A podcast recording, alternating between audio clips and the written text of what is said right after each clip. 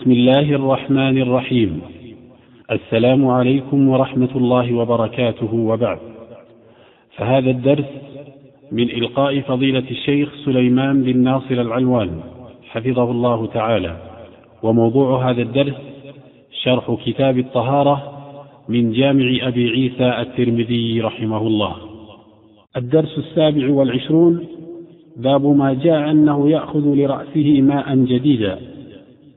وكان إلقاء هذا الدرس في اليوم الثاني من شهر ذي القعدة من عام 1421 الحمد لله رب العالمين وصلى الله وسلم وبارك على عبده ورسوله نبينا محمد وعلى آله وصحبه أجمعين. قال الإمام الحافظ أبو عيسى الترمذي رحمه الله تعالى في سننه باب ما جاء أنه يأخذ لرأسه ماء جديدا. حدانا علي بن خشرم قال أخبرنا عبد الله بن وهب قال حدانا عمرو بن الحارث عن حبان بن واسع عن أبي عن عبد الله بن زيد أنه رأى النبي صلى الله عليه وسلم توضأ وأنه مسح رأسه بماء غير فضل يديه. قال أبو عيسى هذا حديث حسن صحيح. وروى ابن لهيعة هذا الحديث عن حبان بن واسع عن أبيه عن عبد الله بن زيد أن النبي صلى الله عليه وسلم توضأ وأنه مسح رأسه بماء بماء غبر فضل يديه. ورواية عمرو بن الحارث عن حبان أصح. لأنه قد روي من غير وجه هذا الحديث عن عبد الله بن زيد وغيره أن النبي صلى الله عليه وسلم أخذ لرأسه ماء جديدا والعمل على هذا عند أكثر أهل العلم. رأوا أن يأخذ لرأسه ماء جديدا. بسم الله الرحمن الرحيم. قال الإمام أبو عيسى الترمذي رحمه الله تعالى باب ما جاء أنه يأخذ برأسه ماء جديدا. أي باب ما جاء في الخبر الصحيح أنه أي المتوضئ سواء كان ذكرا أو أنثى يأخذ لرأسه ماء جديدا. أي أنه يمسح رأسه بماء جديد وليس ببقية ببقية من ماء اليدين. وهذا على الاستحباب في أصح أقوال العلماء. وليس على الإيجاب.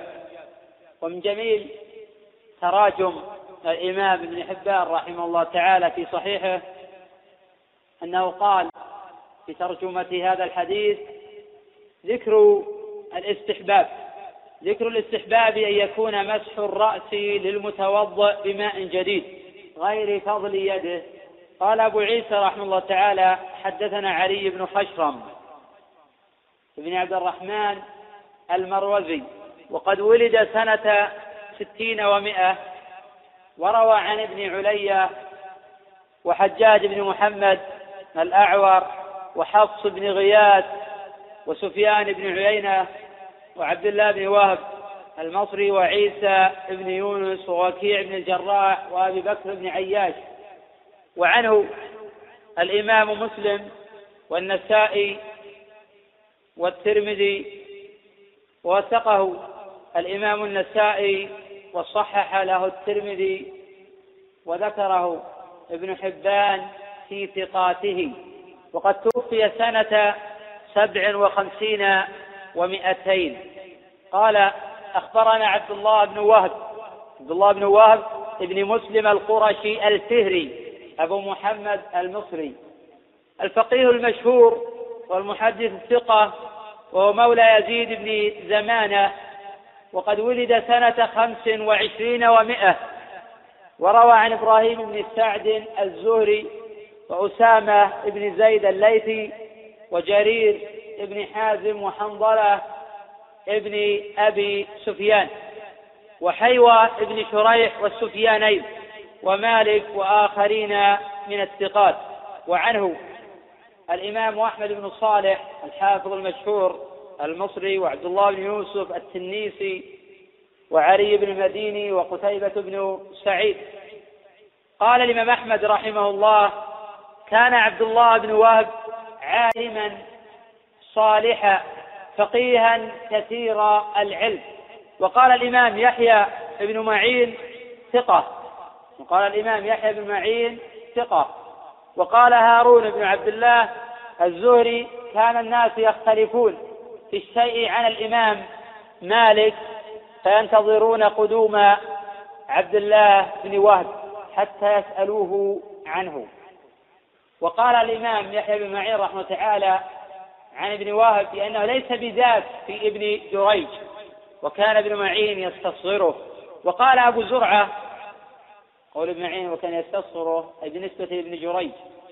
وقال أبو زرعة نظرت في نحو ثلاثين ألف حديث من حديث ابن وهب بمصر وغير مصر. لا أعلم أني رأيت له حديثا ليس له أصل وهو ثقة وقد توفي ابن وهب سنة سبع وتسعين ومائة توفي ابن وهب رحمه الله تعالى سنة سبع وتسعين ومائة وقد روى له الجماعة. وقد روى له الجماعة. قال حدثنا عمرو بن الحارث ابن يعقوب بن عبد الله الأنصاري المصري وهو مدني الأصل. مولى قيس بن سعد بن عبادة هو أحد الفقهاء المفتين وكان قارئا. وقد ولد سنة تسعين وقيل سنة اثنتين وتسعين وقيل أكثر من ذلك. روى عن بكير بن عبد الله بن الأشج وجعفر بن ربيعة ودراج أبي السمح وسالم أبي النضر وسعيد بن أبي هلال وعامر بن يحيى المعافري وهشام بن عروة وقتادة ويحيى بن سعيد الأنصاري وآخرين. وعنه الليث بن سعد ومالك وأسامة بن زيد الليثي وآخرون. قال ابن معين وأبو زرعة ثقة. وقال ابن وهب سمعت من ثلاثمائة شيخ وسبعين شيخا فما رأيت أحدا أحفظ من عمرو بن الحارث. وذلك أنه قد جعل على نفسه يتحفظ كل يوم ثلاثة أحاديث. وقال أبو حاتم رحمه الله تعالى كان أحفظ أهل زمانه ولم يكن له نظير في الحفظ في زمانه. وقال الإمام أحمد رحمه الله تعالى يروي عن قتادة أحاديث يضطرب فيها ويخطئ. قال ابن حبان رحمه الله تعالى مات سنة ثمان أو تسع وأربعين ومائة وكان من الحفاظ المتقنين وأهل الورع في الدين. روى له الجماعة. عن حبان بن واسع بفتح الحاء وتشديد الموحدة. ابن حبان ابن منقذ الأنصاري المازني المدني. روى عن أبيه وعن خلاد بن السائب الأنصاري وعنه ابن لهيعة وعمرو بن الحارث. وقد روى له مسلم وأبو داود والترمذي حديثا واحدا وهو حديث الباب. غير أن بعضهم رواه مطولا ورواه بعضهم مختصرا. وقد خرج له ابن حبان في صحيحه وصحح له وصحح له الترمذي أيضا ومسلم. وقال ابن حجر في التقريب صدوق. قوله عن أبيه والده هو واسع ابن حبان ابن منقذ ابن عمرو. ابن مالك الأنصاري المازني روى عن جابر بن عبد الله ورافع ابن خديج وابن عمر وغيرهم وعنه ابنه وابن أخيه محمد بن يحيى بن حبان قال أبو زرعة ثقة وذكر ابن حبان في ثقاته وقد صحح له مسلم والترمذي وابن حبان وقد, خرج له الجماعة وقد ذكر بعض أهل العلم له صحبة وفيه نظر. عن عبد الله بن زيد صحابي وليس هو في عبد الله بن زيد الذي أري الأذان. وقد قال بعض أهل العلم بأن هذا هو الذي أري الأذان وهذا في نظر وقد تقدم تحرير ذلك. أنه رأى النبي صلى الله عليه وسلم توضأ. الحديث رواته كلهم ثقات. وقد سمع بعضهم من بعض ولهذا حكم عليها الإمام أبو عيسى رحمه الله تعالى بالصحة وسوف يأتي إن شاء الله تعالى ما في ذلك من الحديث. عن عبد الله بن زيد أنه رأى النبي صلى الله عليه وسلم. عن عبد الله بن زيد أنه رأى النبي صلى الله عليه وسلم. هذا مما تثبت به الصحبة. هذا مما تثبت به الصحبة. أن يقول سمعت النبي صلى الله عليه وسلم أو يقول رأيت النبي صلى الله عليه وسلم أو يقول حدثني النبي صلى الله عليه وسلم ونحو هذه الصياغ التي تثبت بها الصحبة. صحبة عبد الله بن زيد مجمع عليها لا إشكال فيها. لكن هذا من باب الاستدلال وكيفية استنباط الصحبة الصحيحة. وكأن يقول الصحابة كنا مع النبي صلى الله عليه وسلم. أنه رأى النبي صلى الله عليه وسلم والصحابي هو من لقي النبي صلى الله عليه وسلم مؤمنا به ومات على ذلك ولقد خالت ردة في أصح قولي العلماء. صحبة نوعان صحبة عامة وصحبة خاصة. الصحبة الخاصة هي تقتضي مصاحبته والسير معه وملازمته وكثرة الأخذ عنه. وقد تكون صحبة خاصة ولا يكثر الأخذ عنه. فإن أكثر الناس صحبة لرسول الله هو أبو بكر وهو من أقل الناس رواية عنه.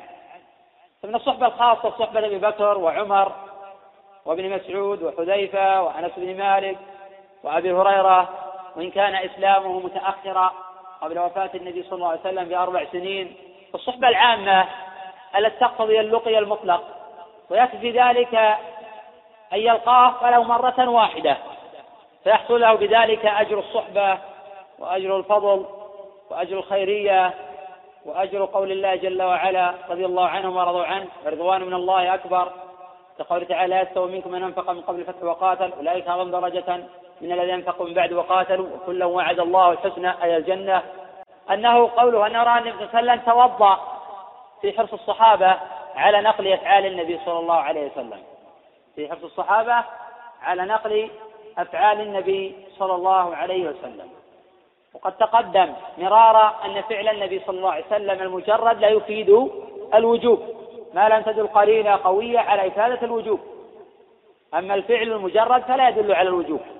قد قال بعض أهل العلم إذا خرج الفعل بيانا لمطلق الأمر في الكتاب وفي السنة أفاد الوجوب. وهذا قد تقدم تحريره وأنه ليس على إطلاقه. فإن تقبيل الحجر واستلام الحجر والتكبير عند الحجر خرج بيانا لمطلق الأمر في القرآن وليطوفوا ببيت العتيق وليس هذا على الإجابة قد تقدم أيضا الطهارة للطواف من حيث صار الناس سنة ومن حيث الأكبر شرط لصحة الطواف. مع خروج الأول بيانا لمطلق القول. غير أنه لم يثبت دليل بالأمر بذلك وهذا من تتوفر الهمم والدواعي على نقل لو نقل. وتأخير البيان عن وقت الحاجة لا يجوز. وكذلك آه، رفع اليدين في الصلوات الخمس. خرج الله عليه وسلم بيانا لقوله في حديث آه، أبي قلابة عن مالك بن الحويرث في البخاري أن النبي صلى الله عليه وسلم قال صلوا كما رأيتموني أصلي ورفع اليدين في الصلاة على الاستحباب وليس على الإجابة. غير أن رفع اليدين في الصلاة في أربعة مواضع فقط. والحديث الواردة في كل خفض كلها منكرة. الحديث المرفوع عن الرسول صلى الله عليه وسلم في كل خفض كلها منكرة. لم يثبت عن السلام سوى في أربعة مواضع في التسع الإحرام في الركوع في الركوع هذه ثلاث مواطن قال بها أكثر أهل الحديث والنقطة الرابعة هو المختلف فيه وهو إحدى روايتين عن أحمد إذا قام من التشهد الأول. قوله أنه رأى النبي صلى الله عليه وسلم توضأ وأنه مسح رأسه بماء غير فضل يديه. تقدم أن مسح الرأس فرض باتفاق. ولكن أهل العلم مختلفون في القدر الواجب المجزي من ذلك. وقد تقدم أنه يجب تعميم الرأس بالمسح.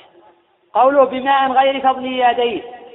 أي أنه مسح رأسه أي أنه مسح رأسه بماء جديد وليس ببقية من ماء اليدين.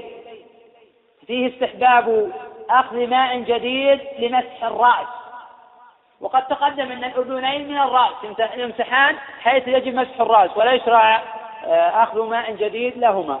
وكون النبي صلى الله عليه وسلم مسح رأسه بماء جديد هذا هو المحفوظ عنه في الأحاديث الصحاح وفي الباب حديث معاوية رواه أبو داود. وهذا ظاهر حديث عبد الله بن زيد في الصحيحين. وقد جاء في رواية وهيب عن عمرو بن يحيى التصريح بأخذ ماء للرأس. وهذا جاء في صحيح البخاري رحمه الله. وفي سنن أبي داود من طريق أبي عوان عن خالد بن علقمة عن عبد خير عن علي رضي الله عنه في صفة وضوء النبي صلى الله عليه وسلم. قال ثم جعل يده في الإناء فمسح برأسه مرة واحدة. قال هذه الأحاديث قوية لأخذ ماء جديد للرأس ولم يأتي ما يعارضها من وجه صحيح. قال الإمام أبو عيسى رحمه الله تعالى هذا حديث حسن صحيح. ورواته ثقات قد سمع بعضهم من بعض. والحديث أخرجه الإمام مسلم رحمه الله تعالى في صحيحه. وأخرجه أيضا الإمام أبو داود وابن خزيمة وابن حبان كلهم من طريق عبد الله بن وهب. وقد رواه عن ابن وهب جمع من أهل العلم منهم هارون بن معروف وهارون بن سعيد الأيلي وأبو الطاهر وذلك عند الإمام مسلم رحمه الله تعالى في صحيحه. ورواه أحمد بن عمرو بن السرح عند أبي داود في سننه وأحمد بن عبد الرحمن بن وهب عند ابن خزيمة في صحيحه وحرملة بن يحيى عند ابن حبان في صحيحه. وكل هؤلاء الحفاظ ذكروا الخبر بنحو ما رواه علي بن خشرم عن ابن وهب على ما ذكره أبو عيسى رحمه الله تعالى في هذا الباب.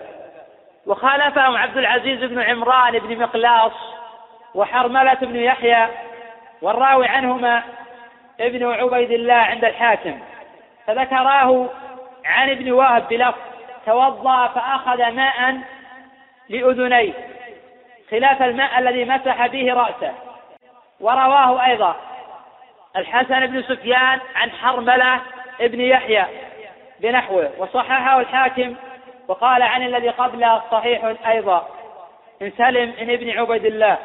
والحديث صححه البيهقي وابن ابن ملقن وجماعة من أهل العلم. وفي ذلك نظر.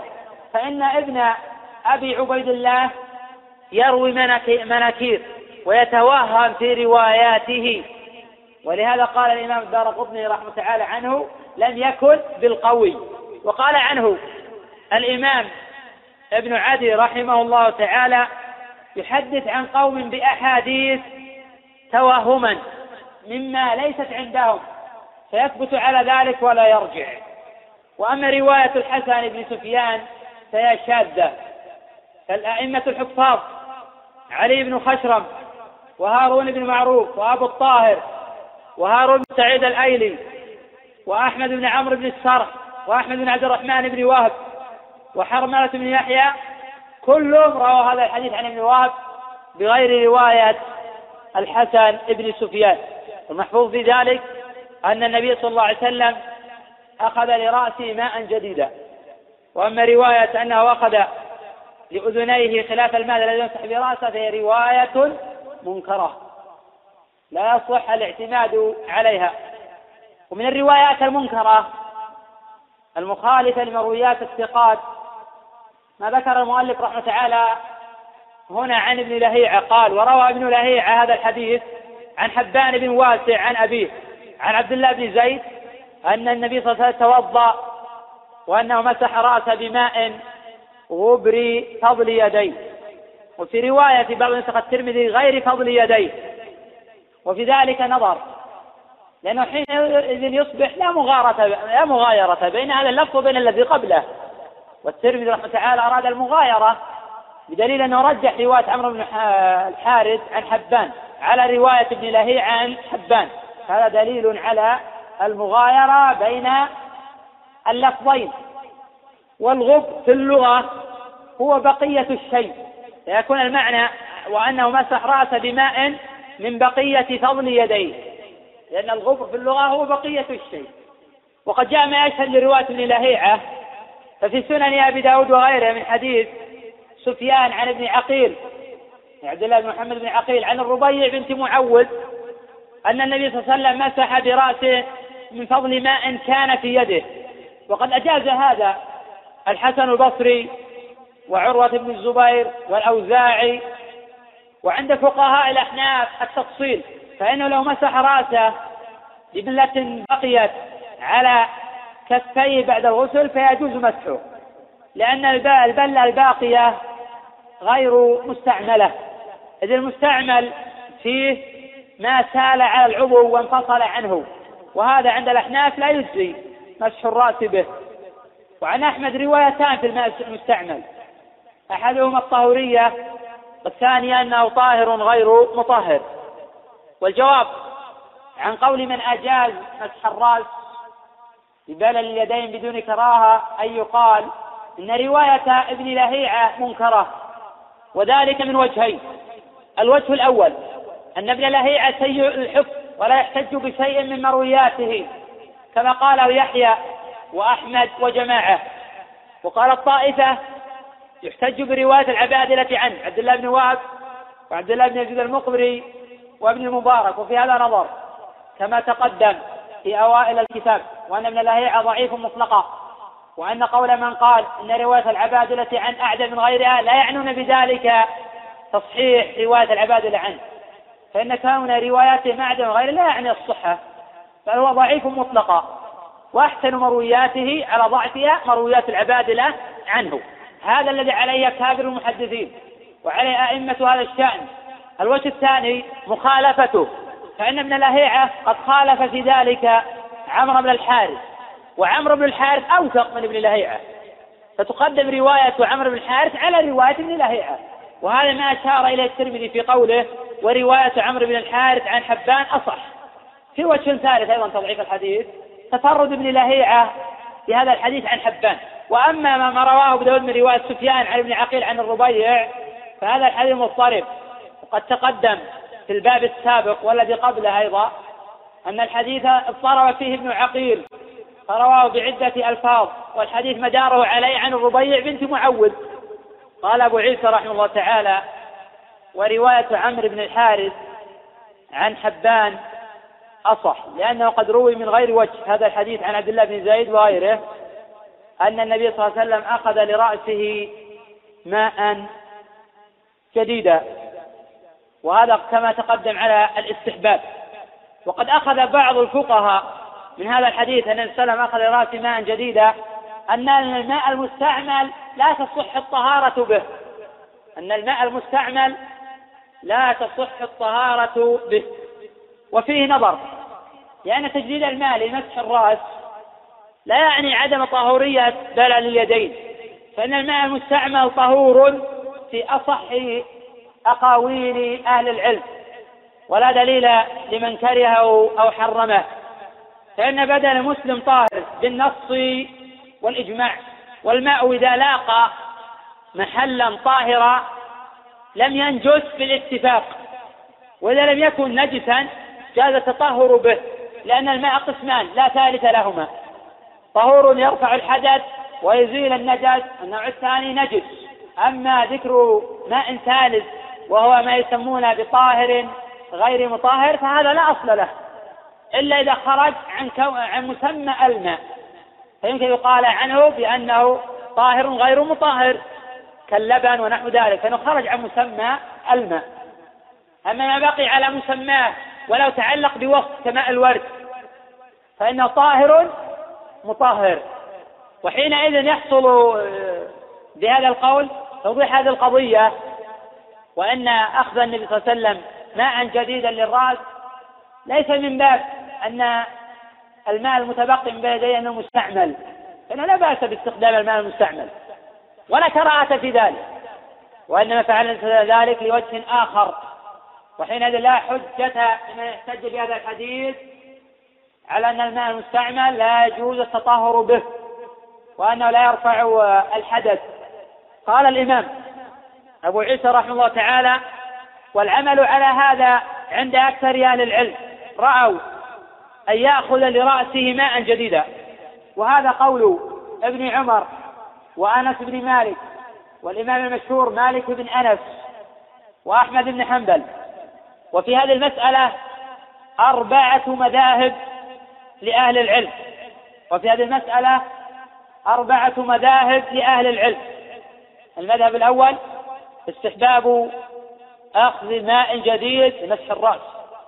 وهؤلاء لا يحرمون مسح الرأس فيما بقي من فضل اليدين. أو من بلل اليدين. المذهب الثاني أنه لا يجزئ مسح الرأس بما فضل من اليدين وهذا منسوب للمذهب الشافعي. المذهب الثالث التفصيل على ما جاء في مذهب الأحناف وقد تقدم.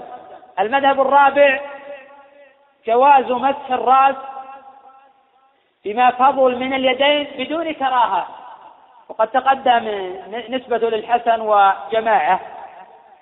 قال ابن المنذر رحمه الله تعالى والذي أذهب إليه أن يأخذ لمسح رأسه ماء جديدا فإن لم يفعل رجوت أن يجزئه. وهذا أقرب الأقوال فإن السنة أخذ ماء جديد لمسح الرأس. فإذا لم يفعل ومسح رأسه بما بقي من بلل يديه أجزأ. لكنه خالف السنة الثابتة عن رسول الله صلى الله عليه وسلم. ووجه الإجزاء من وجوه. الوجه الأول أن مسح الرأس مبني على التخفيف الوجه الثاني أن البلل كاف في مسح الرأس. الوجه الثالث أن الماء المستعمل طهور مطهر والماء طهور لا ينجسه شيء بل يزاد على ذلك فيقال إن الماء إذا لاقى نجاسة ناهيك عن ملاقاته لبدن طاهر. فإنه لا ينجس بل يبقى طاهرا مطهرا. حتى يتغير طعمه أو لونه أو رائحته بنجاسة. فإذا لم يتغير طعمه ولا لونه ولا رائحته بنجاسة فإنه طاهر مطهر. هذا وقد لاقى نجاسة. وهذا إحدى الروايات عن الإمام أحمد. وهو قول طائفة من أهل المدينة. وهذا اختيار والإمام ابن عقيل الحنبلي وهو مذهب شيخ الإسلام ابن تيمية رحمه الله. في قول ثاني أن الماء إذا لقى نجاسة؟ تنجس وفي قول ثالث بالتفصيل. صحيح ما تقدم. ولهذا نجمل فوائد الحديث وما تقدم في الشرح. الأولى أن أخذ ماء جديد لمسح الرأس سنة وليس بواجب لأن مجرد الفعل يفيد الاستحباب لا الإيجاب. ولأن جماعة من القائلين بالإيجاب يعللون بأن الماء مستعمل. إذا تقدم أن هذا لا تأثير له على الحكم الشرعي علم أنه غير محرم.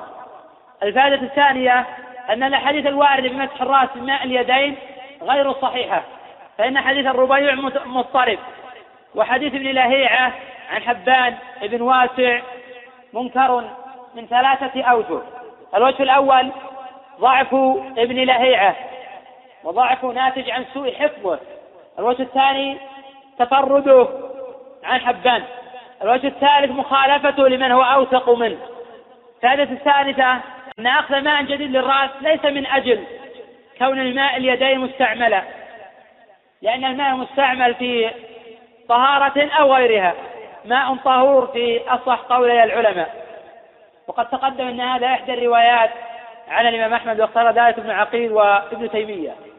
وهذا هو الأصل الذي دلت عليه الأدلة من الكتاب والسنة.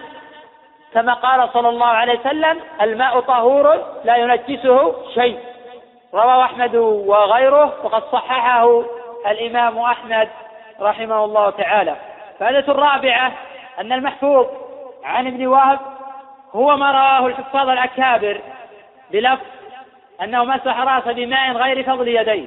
والحديث الآخر المروي عن ابن وهب أنه أخذ ماء لأذنيه خلاف الماء الذي مسح به رأسه. هذا حديث شاذ والله أعلم. مذهب الأحناف لا الأحناف يقولون إنه مسح رأسه بما بقي من بلل يديه وبلل يديه يقول هذا إنه غير مستعمل أنه غير مستعمل لأنه لم يمسح بالماء المستعمل إنما مسح فيما بقي من بلل اليدين لأن الماء المستعمل فيه إشكالية عندهم. صحيح أن الماء المستعمل لا يؤثر. وهم يصححون هذه الرواية. نعم.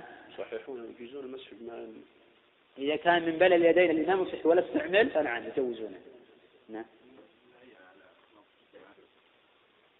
لو كانت متابعة لو كانت رواية من لهيعة هنا عن حبال بن واسع متابعة لرواية عمرو بن الحارث ما قال أبو عيسى رحمه تعالى ورواية عمرو بن الحارث عن حبان أصح. وفي هذا دليل أن رواية ابن الهيعة مغايرة تمام؟ المغايرة لرواية عمرو بن الحارث. رواية ابن الهيعة منكرة. اي نعم بشرط لا يكون مستعملا. هذا غير صحيح. طبعا هذا القول لم يتفرد به أبو حنيفة لكنهم فصلوا. الشافعي رحمه الله تعالى آه، يمنع التطهر بالماء المستعمل. كما تقدم هذا المذهب وانه قال لا يجزي مسح الرأس بما فضل من اليدين لأنه ماء مستعمل. ومسح الرأس بماء مستعمل غير مجزي على مذهب الإمام الشافعي. وهذا غير صحيح. وهذا أيضا مروي. رواية عن آه، الحنابلة. لأن رواية أخرى عن أحمد أنه يبقى طاهرا مطهرا. وانه لا ياثر والادله على هذا كثيرة. لأن الماء قسمان لا ثالث لهما. طهور ونجس. والإشكالية جاءت هؤلاء بإيجاد قسم ثالث طاهر غير مطهر. وهذا في نظر. لأن ما دام الشيء يحمل اسم الماء ولو تعلق بوصف كماء الورد فإنه يبقى الماء طاهرا مطهرا. وإذا خرج عن مسماه فلا يسمى ماء لا يصح تطهر به. ما دليل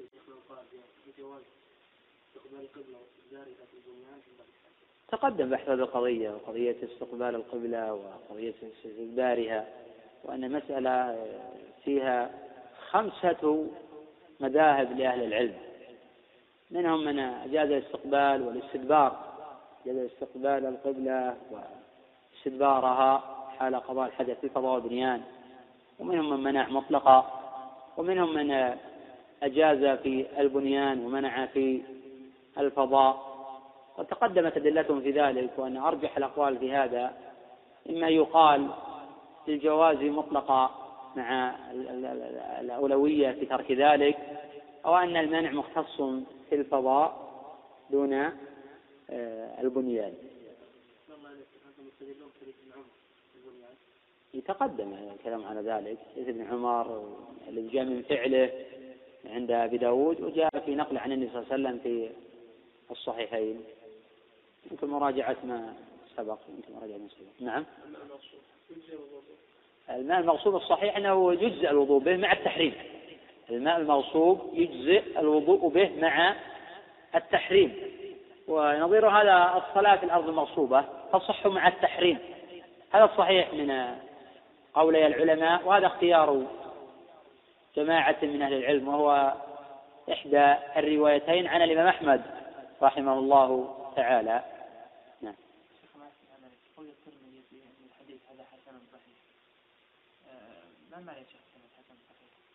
الترمذي رحمه الله تعالى تقدم إذا أفرد لفظة الحسن ولم يقرن معها لفظا آخر. يقصد بذلك أن حسن إسناده يقول عندنا. وهو ما جاء من غير وجه ولم يكن فيه كذاب ولا متهم ولم يكن شاذا أي وجاء من غير وجه. وإذا قرن ذلك بالحسن الصحيح الصحيح أي صحة إسناده وصحة متنه وأنه مقبول. ولا يمكن حمل كلام أبي عيسى على حسن صحيح أن حسن جاء من غير وجه. صحيح في هذا الإسناد يعني تارة يقول هذا حديث حسن صحيح لا نعرفه إلا من هذا الوجه. وبعض أهل العلم قال حسن صحيح أي أو صحيح. حذفت أداته التردد. حسن أو صحيح. ثم قال حافظ بن حجر جمع حسن في التردد في الناقل.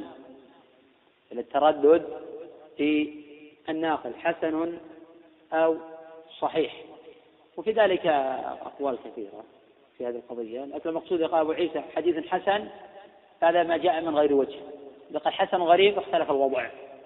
وقد يغلب على كلام الترمذي قال حسن غريب أن فيه لينا. وحتى إذا قال الترمذي حسن وجرد ذلك قد يكون الحديث ضعيفا إذا قال حسن صحيح فهذا هو الذي يعتمد عليه كلام أبو عيسى وأنه أراد تصحيحه. لا يلزم من هذا.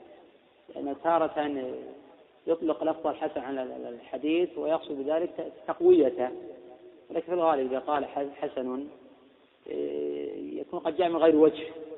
لكن إذا قال حسن غريب تارة يكون ضعيفا بل كثيرا ما يكون ضعيفا. إذا قال حسن صحيح فهذا صحيح عند أبي عيسى رحمه الله تعالى. يبقى النظر في كلام غيره. وقد يكون الحديث آه، صحيحا عند أبي عيسى ضعيفا عند غيره فإن أذان النبي صلى الله عليه وسلم المولود صححها أبو عيسى. والحديث تفرد به عاصم بن عبد الله عن عبد الله بن رافع عن أبيه عن النبي صلى الله عليه وسلم. وعاصم بن عبد الله ضعيف الحديث عند أكابر أهل العلم. والحديث لم يتفرد بتصحيحها الترمذي بل وافقه الحاكم. لكن مدار الخبر على عاصم بن عبد الله. وعاصم ضعيف الحديث مطلقا. ضعفه شعبة وأحمد والبخاري. حتى قال شعبة لو سألت من بنى مسجد البصرة لقد حدثنا فلان عن فلان عن السلام أنه بناه. وضعفه الإمام النسائي وضعفه جمع من أهل العلم. حتى قال الإمام مالك نفسه شعبتكم يشدد في الرجال ويروي عن عاصم بن عبيد الله. فالترمذي صحيح لا أنه يتلقي بقبول مطلقا. ولكن تصحيحه يكون حينئذ قوية يغلب عليه الصحة من حيث الحكم العام.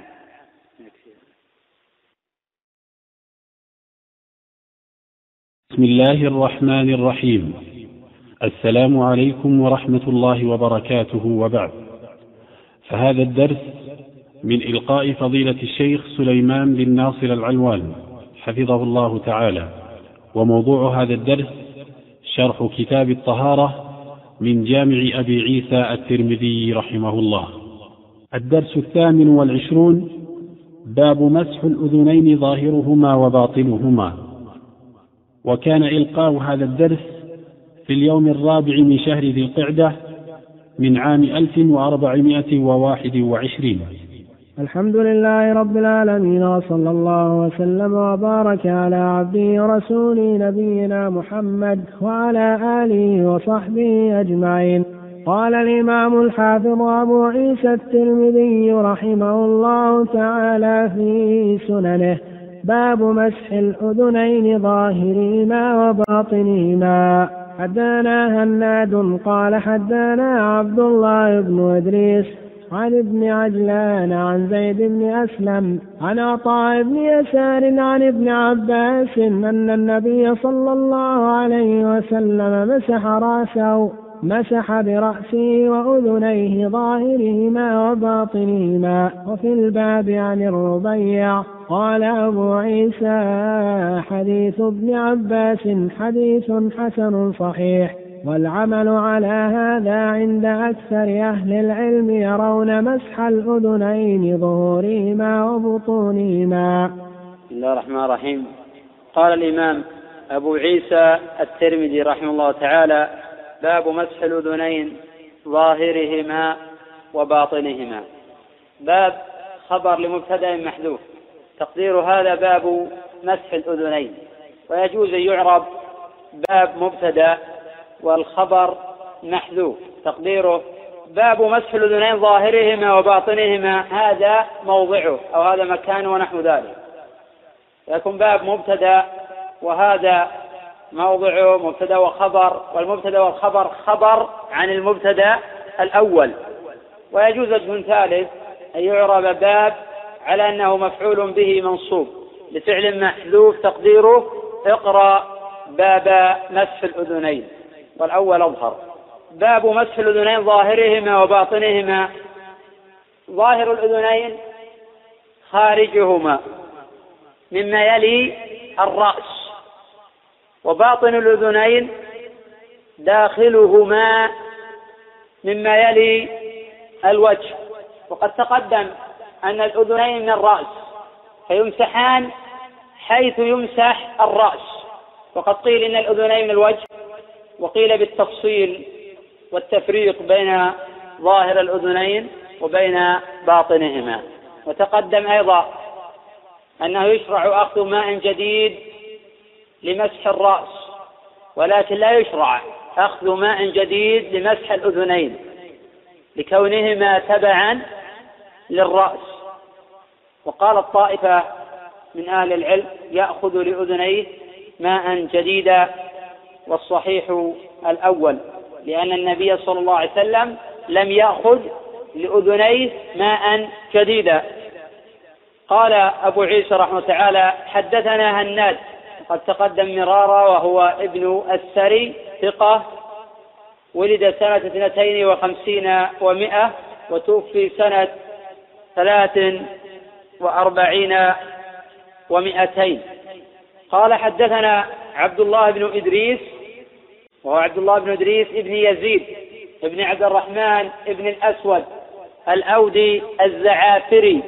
ولد سنة خمس عشر ومائة وروى عن إسماعيل ابن أبي خالد وحسين بن عبد الرحمن وداود بن أبي هند وربيعة بن عثمان وسفيان الثوري والأعمش وشعبة ومالك وابن جريج والعمري المصغر وهشام ابن عروة وهشام ابن حسان وعنه الإمام أحمد وزهير بن حرب وابن المبارك ومحمد بن العلا وابن معين وغيرهم.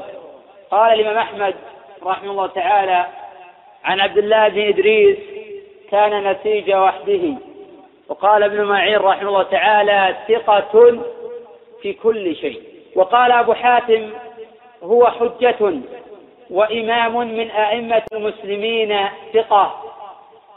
وقال النسائي رحمه تعالى ثقة ثبت. ومن المنقول عن ابن إدريس رحمه الله أنه إذا لحن رجل عنده في كلامه لم يحدثه. ولما نزل به الموت وبكت ابنته فقال لا تبكي فقد ختمت القرآن في هذا البيت أربعة آلاف ختمة. وقد ذكر ابن حبان في ثقاته وقال كان صلبا في السنة وقد توفي سنة اثنتين وتسعين ومائة وروى له الجماعة. عن ابن إدريس عن ابن عجلان. تقدم الحديث عن محمد بن عجلان. وقد وثقه أحمد وابن معين وأبو حاتم والنسائي وتكلم فيه جماعة في روايته عن نافع والمقبري عن أبي هريرة. وفي الجملة صدوق ما لم يخالف أو يتبين خطأه في روايته عن نافع أو عن المقبري عن أبي هريرة. عن زيد بن أسلم وهو القرشي العدوي المدني الفقيه المعروف مولى عمر بن الخطاب. وقد روى عن أبي هريرة ولم يسمع منه. وعن ابن عمر وأنس وعائشة أم المؤمنين وأبي أسلم وعطاء بن يسار وعلي بن حسين بن علي بن أبي طالب وآخرين. وعنه أبناؤه الثلاثة أسامة وعبد الله وعبد الرحمن. وكلهم ضعفاء وأمثلهم عبد الله. وعنه أيضا عبد الملك بن جريج ومالك والسفيانان وسليمان بن بلال ومعمر وهشام بن سعد وهمام بن يحيى. قال محمد بن عجلان رحمه الله ما هبت أحدا هيبتي زيد بن أسلم. وقد وثقه أحمد وأبو زرعة وكان عالما بتفسير القرآن. قال يعقوب بن شيبة ثقة من أهل العلم والفقه وكان عالما بتفسير القرآن. مات سنة ست وثلاثين ومائة وروى له الجماعة.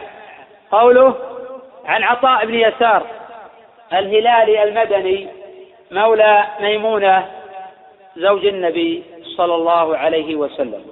وهو أخو سليمان بن يسار وعبد الله بن يسار وعبد الملك بن يسار. ولد بحدود سنة تسع عشرة هذا إذا قيل بأن وفاته سنة ثلاث ومائة وعلى القول بأنه توفي سنة أربع وتسعين فتكون ولادته سنة عشر. روى عن أبي بن كعب وجابر بن عبد الله وابن عمر وعبد الله بن عمرو وزيد بن خالد الجهني ومعاذ بن جبل ولم يسمع منه وأبي الدرداء وقال البخاري مرسل وأبي رافع وأبي سعيد الخدري وأبي هريرة وأم سلمة.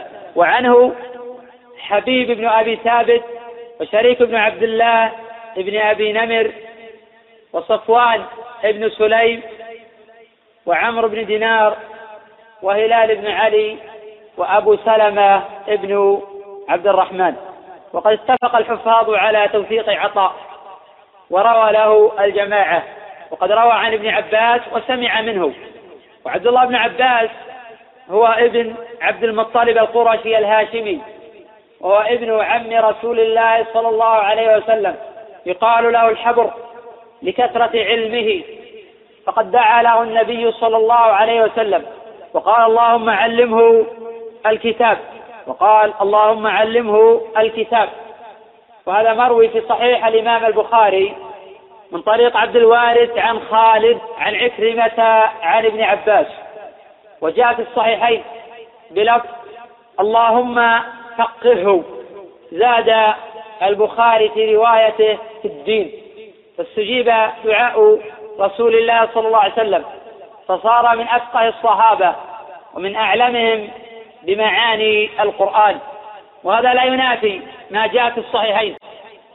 عن عبد الله بن مسعود رضي الله عنه أنه قال لو أعلم أحدا تبلغه المطي أعلم مني بكتاب الله لرحلت إليه. فحين قال ابن مسعود هذه المقالة كان ابن عباس صغيرا. لأن ابن مسعود قد توفي في حدود سنة اثنتين أو ثلاث وثلاثين وعمر ابن عباس من بعده فكانت تضرب إليه أكباد الإبل. ابن مسعود كان من أعلم الناس بمعاني القرآن حين كان ابن عباس صغيرا وحين كبر ابن عباس بلغ ما بلغ ابن مسعود وأكثر. وقد حفظ ابن عباس رضي الله عنهما عن النبي صلى الله عليه وسلم أحاديث كثيرة. بواسطة وبدون واسطة.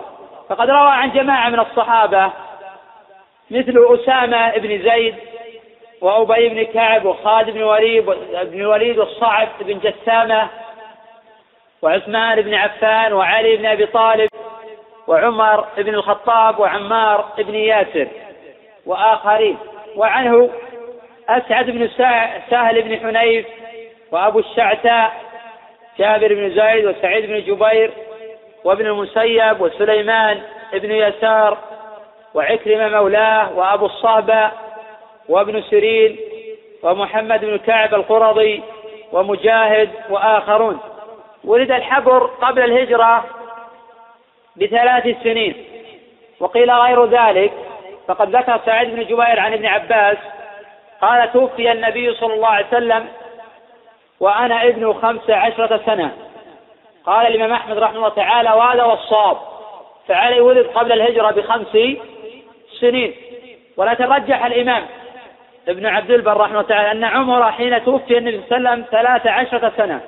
ورجح في ذلك كلام أهل السير على كلام غيرهم.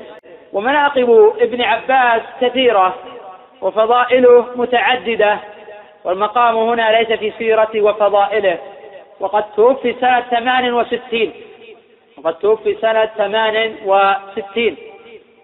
قاله الإمام أحمد وخليفة ابن خياط. وقد صلى عليه ابن الحنفية في الطائف. وقال اليوم مات رباني هذه الأمة. وحين توفي ابن عباس رضي الله عنه لم يكن هناك أحد من الناس إلا هو في حاجة إلى علم ابن عباس. قد كان إماما في كل شيء فرضي الله عنه وأرضاه. أن النبي صلى الله عليه وسلم قال ابن عباس عن النبي صلى الله عليه وسلم قال ابن عباس أن النبي صلى الله عليه وسلم مسح برأسه تقدم أن مسح الرأس فرض وهذا مما أجمع عليه أهل العلم. ولكن اختلفوا في القدر الواجب من ذلك. من العلماء من قال يكفي شيء يسير وهذا مذهب الشافعي وقد فسر ذلك بعض أصحابه وقال يكفي أن يمسح واحدة وعنه ثلاث شعرات. وهذا مذهب أبي حنيفة وعن أبي حنيفة الربع. لأن مذاهب الإمام أحمد رحمه الله تعالى وغيره إلى أن يجب تعميم الرأس بالمسح. فإن الأحاديث الثابتة عن النبي صلى الله عليه وسلم تبين معنى الآية وامسحوا برؤوسكم وأن الباء هنا للإلصاق. بدلالات الأحاديث الأخرى. وليس من باب أن الباء لا تأتي للتبعيض. فقد تقدم أن اللغة تثبت هذا. وأن الباء إذا سبقت بفعل متعدي تكون للتبعيض. ولكن يمتنع أن تكون للتبعيض إذا سبقت بفعل لازم. كقوله تعالى وليطوفوا في البيت العتيق قوله برأسه وأذنيه في هذا دليل على أن الأذنين من الرأس. في هذا دليل على أن الأذنين من الرأس. وقوله وأذنيه عطف على الرأس. وإن كانت الواو لا تقتضي الترتيب من كل وجه إلا أننا نستفيد الترتيب من الأحاديث الأخرى. إذا قيل جاء زيد وعمر. فلا يقتضي أن يكون مجيء عمرو بعد مجيء زيد. وهذا واضح من حيث الوضع اللغوي وهو معروف في لغات العرب. بخلاف ثم المفيدة للترتيب والتراخي. إذا قيل جاء زيد ثم عمرو فنعلم أن مجيء عمرو بعد مجيء زيد. ولكن نستفيد هذا الترتيب من الأحاديث الأخرى كما سيأتي إن شاء الله حديث عمرو بن شعيب عن أبيه عن جده. لأن بعض العلماء القائلين بأن الأذنين من الوجه يستدلون بهذا ويرون أن الواو لا تفيد الترتيب. قوله ظاهرهما ظاهرهما بدل من وأذنيه ظاهرهما بدل من وأذنيه فيجب الخفض. لأن البدل يتبع المبدل منه. وقد تقدم أن ظاهر الأذنين ما يلي الرأس. والظاهر المقصود بها الخارج. قوله وباطنهما عطف على ظاهرهما. وباطن الأذنين المقصود بهما هو المقصود بالباطن الداخل. وذلك مما يلي الوجه. في هذا دليل على أن الأذنين من الرأس. فيستحب مسحهما مرة واحدة بماء الرأس. ولا يصح أخذ ماء جديد لهما. قال أبو عيسى رحمه الله تعالى وفي الباب عن الربيع تقدم من طريق بشر بن مفضل عن عبد الله بن محمد بن عقيل عن الربيع بنت معوذ. قد تقدم تخريج والحكم عليه الحديث مضطرب. وفيه غير ذلك فقد جاء في الباب حديث عثمان رواه أبو داود وغيره. وفي صحته نظر وحديث المقدام. ابن معد كرب رواه أبو داود وغيره. وأصح شيء في هذا الباب ما رواه أبو داود وغيره من حديث موسى ابن أبي عائشة عن عمرو بن شعيب عن أبيه عن جده أن رجلا أتى النبي صلى الله عليه وسلم يسأله عن الطهور الحديث وفيه ثم مسح برأسه وأدخل أصبعيه السباحتين في أذنيه أي في صماخي الأذنين ومسح بإبهاميه على ظاهر أذنيه. وقد تقدم أن الظاهر هو ما يلي الرأس. من يقول أدخل أصبع السباحتين في أذنيه ومسح بإبهاميه على ظاهر أذنيه وبالسباحتين باطن أذنيه. فهذا الحديث هو أصح شيء في نظري في هذا الباب. وأما حديث ابن عباس فقد قال عنه أبو عيسى حديث ابن عباس حديث حسن صحيح وفي ذلك نظر. فالحديث رواه عن زيد بن أسلم جمع غفير. فالحديث رواه عن زيد بن أسلم جمع غفير. منهم سفيان وسليمان بن بلال وروايتهما في صحيح البخاري وجماعة آخرون فلم يذكر واحد منهم مسح الأذنين ولا صفة ذلك.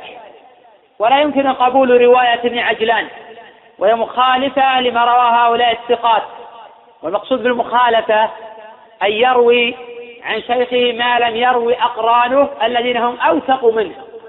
فلا يلزم المخالفة أن تكون منافية لما رواه الآخرون. فهذا وإن كان قولا لجماعة من أهل العلم إلا أن الصحيح الأول هو الذي عليه الأكابر كالبخاري وعلي بن المديني ويحيى بن معين وأحمد بن حنبل ومسلم والترمذي أيضا وأبي داود والدار قطني. وأهل العلم لا يحكمون على الزيادة من الثقة بحكم كلي. إنما يراعون في ذلك القرائن. فتارة يحكمون على الزيادة بالقبول وتارة يحكمون عليها بالرد. وقبول زيادة الثقة مطلقة فيه نظر. فهذا مذهب الفقهاء والأصوليين وليس هو قول الأكابر من المحدثين. ورد الزيادة مطلقة فيه نظر أيضا. فيجب اعتبار القرائن في ذلك. فحديث الباب رواه عن ابن عباس عطاء ورواه عن عطاء زيد بن أسلم. وروى عن زيد جمع غفير. منهم حفاظ الأمة كسفيان وابن بلال وجماعة. حين يأتي محمد بن عجلان ويذكر لفظة وزيادة لم يذكرها الحفاظ الذين جاءت رواياتهم في صحيح البخاري. فإننا حينئذ لا نتوقف في إنكار هذه الزيادة. ولا سيما أن ابن عجلان وإن كان ثقة فهو يخطئ. فإن قيل قد صحح هذا الحديث الإمام أبو عيسى رحمه الله تعالى وتابعوا على ذلك جمع حنوي وخزيمة وابن حبان وآخرون. فالجواب أن الحديث الذي يتفق العلماء على صحته هذا لا إشكال فيه فلا لأحد أن يضعفه. والحديث الذي يتفق العلماء على ضعفه هذا لا إشكال فيه لا يصح لأحد أن يصححه. ولو بكثرة الطرق وجمع الشواهد ونحو ذلك. والحديث النوع الثالث الذي لم يتفق الحفاظ على تصحيحه. إنما صححه جماعة وأعرض عنه آخرون. فيجب حينئذ وضع هذا الحديث في الميزان الذي ارتسمه لنا أئمة هذا الشأن. فنسير التصحيح والتضعيف على قواعدهم وعلى مناهجهم. فإن حديث ابن عباس جاء في البخاري وصححها البخاري ولكن البخاري حين صححه ليس في هذه الزيادة ومسح آه، وأذني ظاهرهما وباطنهما. إنما في مسح برأسه لكن وأذني ظاهرهما وباطنهما أعرض عنها البخاري. فحينئذ يمكن أن نقول أن تصحيح الترمذي مقابل بإعراض البخاري عن الرواية. ولا يمكن يقال أن البخاري لعله لم يطلع على الرواية فهذا غلط.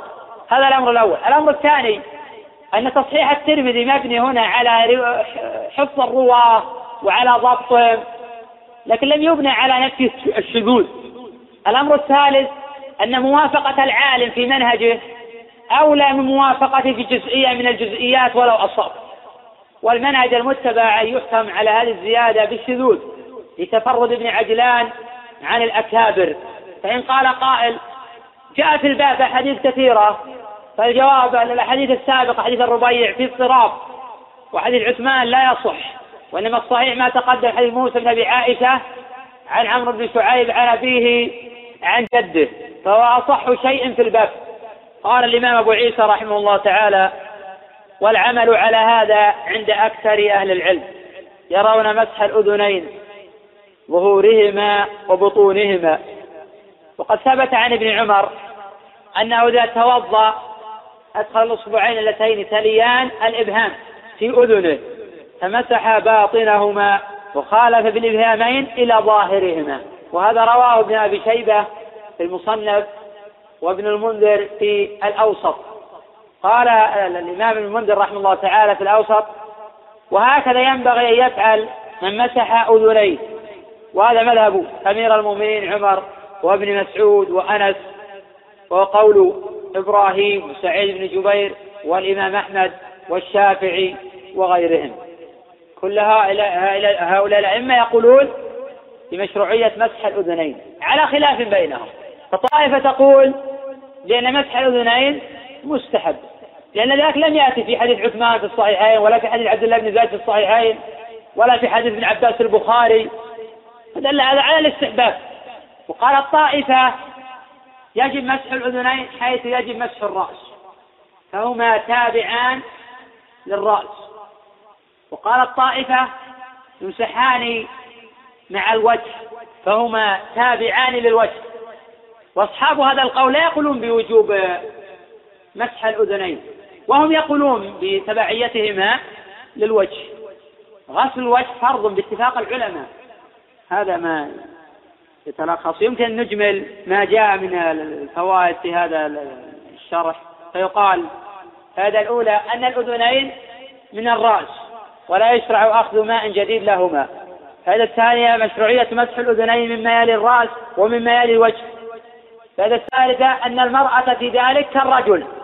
أن المرأة في ذلك كالرجل.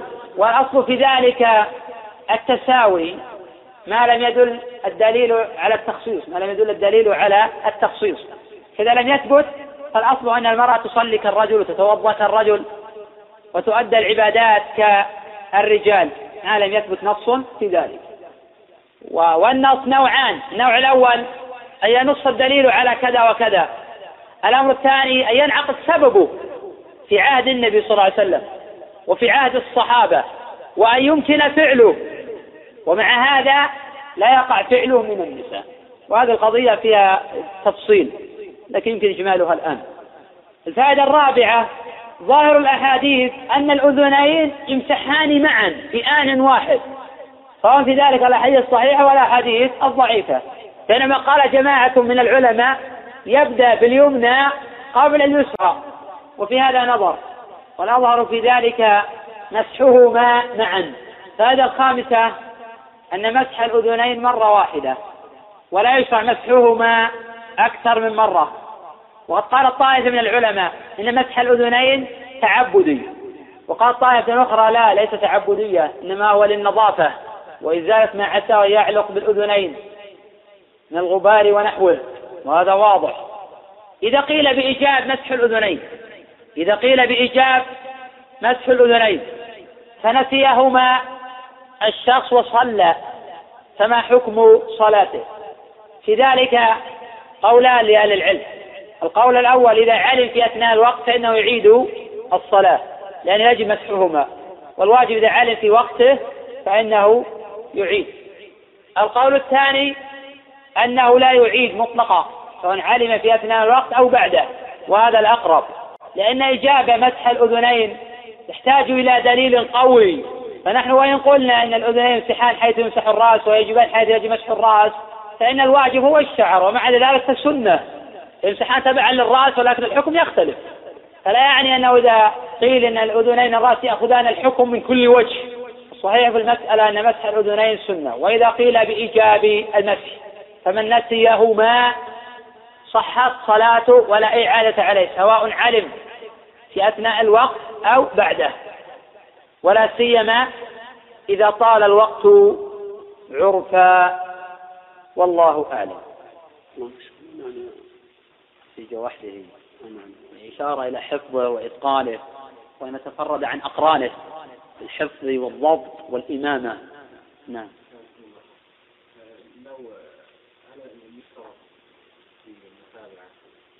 يكون من نفس طريق الصحابي فلو مثلا لو وجد تابع مثلا مثل ابن عجلان مثلا يعني لو وجد من تابع ابن عجلان من غير ابن عباس لا لا يمكن تصحيح هذا الخبر. آه، نعلم إن ابن عجلان حين روى هذا الحديث روى عن زيد بن أسلم وخالفه الحفاظ فروى عن زيد بن أسلم ولم يذكروا ما ذكر ابن عجلان. ولكن مسح الأذنين. جاء في حديث موسى بن أبي عائشة عن ام سعيد عن أبيه عن جده. فناخذ بهذا الحديث المستقل دون أن نقول إن هذا الحديث يشهد برواية محمد بن عجلان وحينئذ نصحح رواية ابن عجلان. لأننا نقول إن ابن عجلان قد أخطأ في هذا الحديث.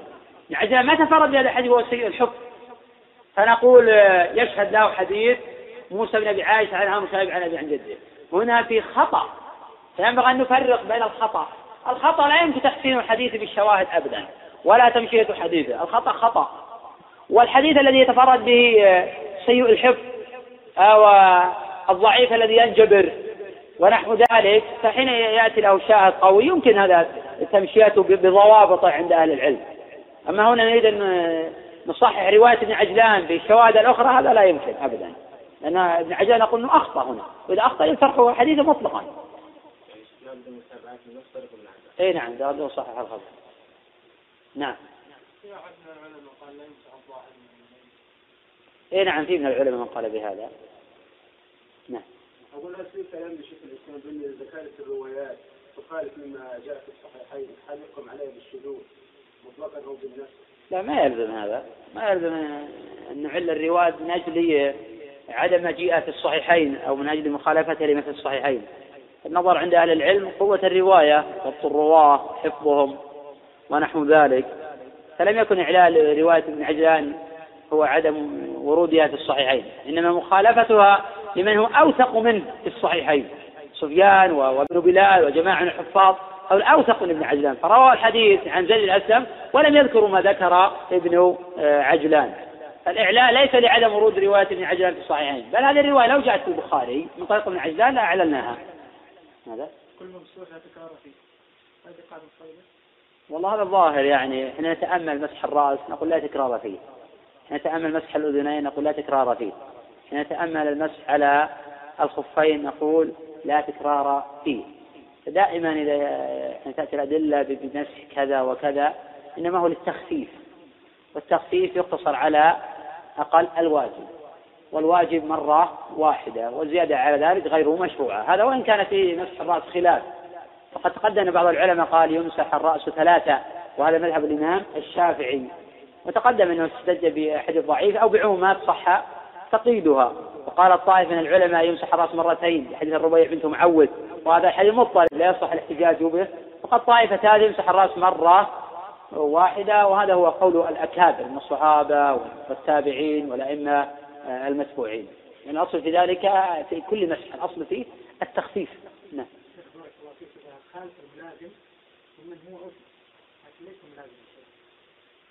ينظر. هذه مسألة مهمة في الحديث من طريق آه، ثقتين.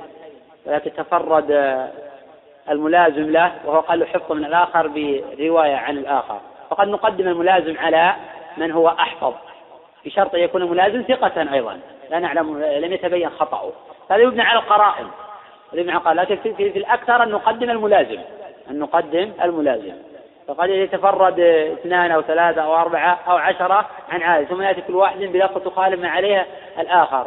فنقدم الحافظ إذا كانوا في مرتبة واحدة. فإذا كان في قرية تحتف بأن هذا كان يلازم أكثر فنقدم الملازم على غيره لأنه يكون قد يكون أضبط آه، للحديث من الآخر. نعم. إذا كانت الجزيرة على اليد أو على الرجل فهل يمسح عليها مرة واحدة في الوضوء؟ هل يمسح عليها مرة واحدة؟ لأن لا تكرار فيه أو لأنه الآن بدل آه، الكبيرة الصحيح بذلك مسحها مرة واحدة والاقتصار على ذلك اتباعا للمسألة المتقدمة أن المسح لا تكرار فيه ولا يقال هنا أن البدل يتبع المبدأ منه فتمسح الجبيرة ثلاثة. المقصود هنا فقط المقصود هنا آه، التخفيف وأيضا ما هناك غسل وإنما يتبع البدن المبدل منه إذا كان مغسولا. أما هنا ليس بمغسول هنا ممسوح. فلو قلنا بغسل الجبير لقلنا يغسلها ثلاثا لكن لا يمكن أن نقول بهذا. ثم أن المسح على الجبائر في أصل مختلف فيه بين أهل العلم. الأحاديث المرفوعة إلى النبي صلى الله عليه وسلم كلها معلولة. وإنما ثبت المسح عن ابن عمر. وقال بذلك جماهير العلماء. أما الإمام أبو محمد بن حزم رحمه الله فيرى أنه يسقط العضو.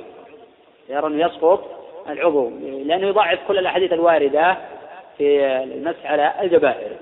ولكن إذا كان ما هناك كبيرة ولا يستطيع أن يغسل اليد الأظهر أنه يمسح اليد. إذا ما استطاع أن يمسحها ووضع جبيرة فالاتباع لقول ابن عمر أولى من تفرد الإمام أبي محمد بهذا الرأي. بسم الله الرحمن الرحيم. السلام عليكم ورحمة الله وبركاته وبعد. فهذا الدرس من إلقاء فضيلة الشيخ سليمان بن ناصر العلوان حفظه الله تعالى. وموضوع هذا الدرس شرح كتاب الطهارة من جامع أبي عيسى الترمذي رحمه الله. الدرس التاسع والعشرون باب ما جاء أن الأذنين من الرأس. وكان إلقاء هذا الدرس في اليوم السادس من شهر ذي القعدة من عام 1421 الحمد لله رب العالمين وصلى الله وسلم وبارك على عبده ورسوله نبينا محمد وعلى آله وصحبه أجمعين. قال الإمام الحافظ أبو عيسى الترمذي رحمه الله تعالى في سننه باب ما جاء أن الأذنين من الرأس. حدثنا قتيبة قال حدثنا حماد بن زيد عن سنان بن ربيعة عن شار بن حوشب عن أبي أمامة قال توضا النبي صلى الله عليه وسلم فغسل وجهه ثلاثا ويديه ثلاثا ومسح برأسه وقال الأذنان من الرأس. قال قتيبة قال حماد لا أدري هذا من قول النبي صلى الله عليه وسلم أو من قول أبي أمامة. وقال قال أبو عيسى هذا حديث ليس إسناده بذاك القائم والعمل على هذا عند أكثر أهل العلم من أصحاب النبي صلى الله عليه وسلم ومن بعدهم أن الأذنين من الرأس وبه يقول سفيان الثوري وابن المبارك والشافعي وأحمد وإسحاق. وقال بعض أهل العلم ما أقبل من الأذنين فمن الوجه وما أدبر فمن الرأس. قال إسحاق وأختار أن يمسح مقدمهما مع الوجه ومؤخرهما مع, رأسه. بسم الله الرحمن الرحيم. قال الإمام أبو عيسى الترمذي رحمه الله تعالى باب ما جاء أن الأذنين من الرأس. باب خبر لمبتدأ محذوف. تقدير هذا باب ما جاء. أن الأذنين أذنين اسم إن من الرأس متعلق بمحذوف خبر. من الرأس متعلق بمحذوف خبر. والمعنى أن الأذنين من الرأس يمسحان مع الرأس وبماء الرأس. ولا يلزم من ذلك أن يأخذ حكم الرأس في وجوب المسح. فإن مسح الأذنين سنة وهما من الرأس. وقال الطائفة من أهل العلم يجب مسحهما حيث يجب مسح الرأس. كل هذا سوف يأتي إن شاء الله تعالى. قال أبو عيسى حدثنا قتيبة بن سعيد تقدم أنه ثقة وقد ولد سنة ثمان وأربعين ومائة وتوفي سنة أربعين ومائتين وخرج له الجماعة. قال حدثنا حماد بن زيد تقدم نقل الاتفاق على توثيقه وقد ولد سنة ثمان وتسعين وتوفي سنة تسع وسبعين ومائة عن سنان ابن ربيعة الباهلي وهو أبو ربيعة البصري. روى عن أنس بن مالك وثابت البناني والحضرمي بن لاحق وشهر بن حوشب وعنه ابن زيد كما هنا حماد بن زيد وحماد بن سلمة وسعيد بن زيد وعبد الوارث بن سعيد. قال عنه الإمام يحيى بن معين رحمه الله تعالى ليس بالقوي. وعنه قال ليس به بأس. وقال أبو حاتم رحمه الله شيخ مضطرب الحديث. وذكره النسائي رحمه تعالى في الضعفاء وقال ليس بالقوي. وكذا قال الإمام الدار قطني رحمه الله تعالى. وقال ابن عدي له أحاديث قليلة. وأرجو أنه ليس به بأس. وقد روى له الجماعة وقد روى له البخاري وقد روى له البخاري في صحيحه حديثا واحدا مقرونا بغيره. وروى عنه أبو داود والترمذي وابن ماجه وقال عنه الحافظ في التقريب صدوق فيه لين.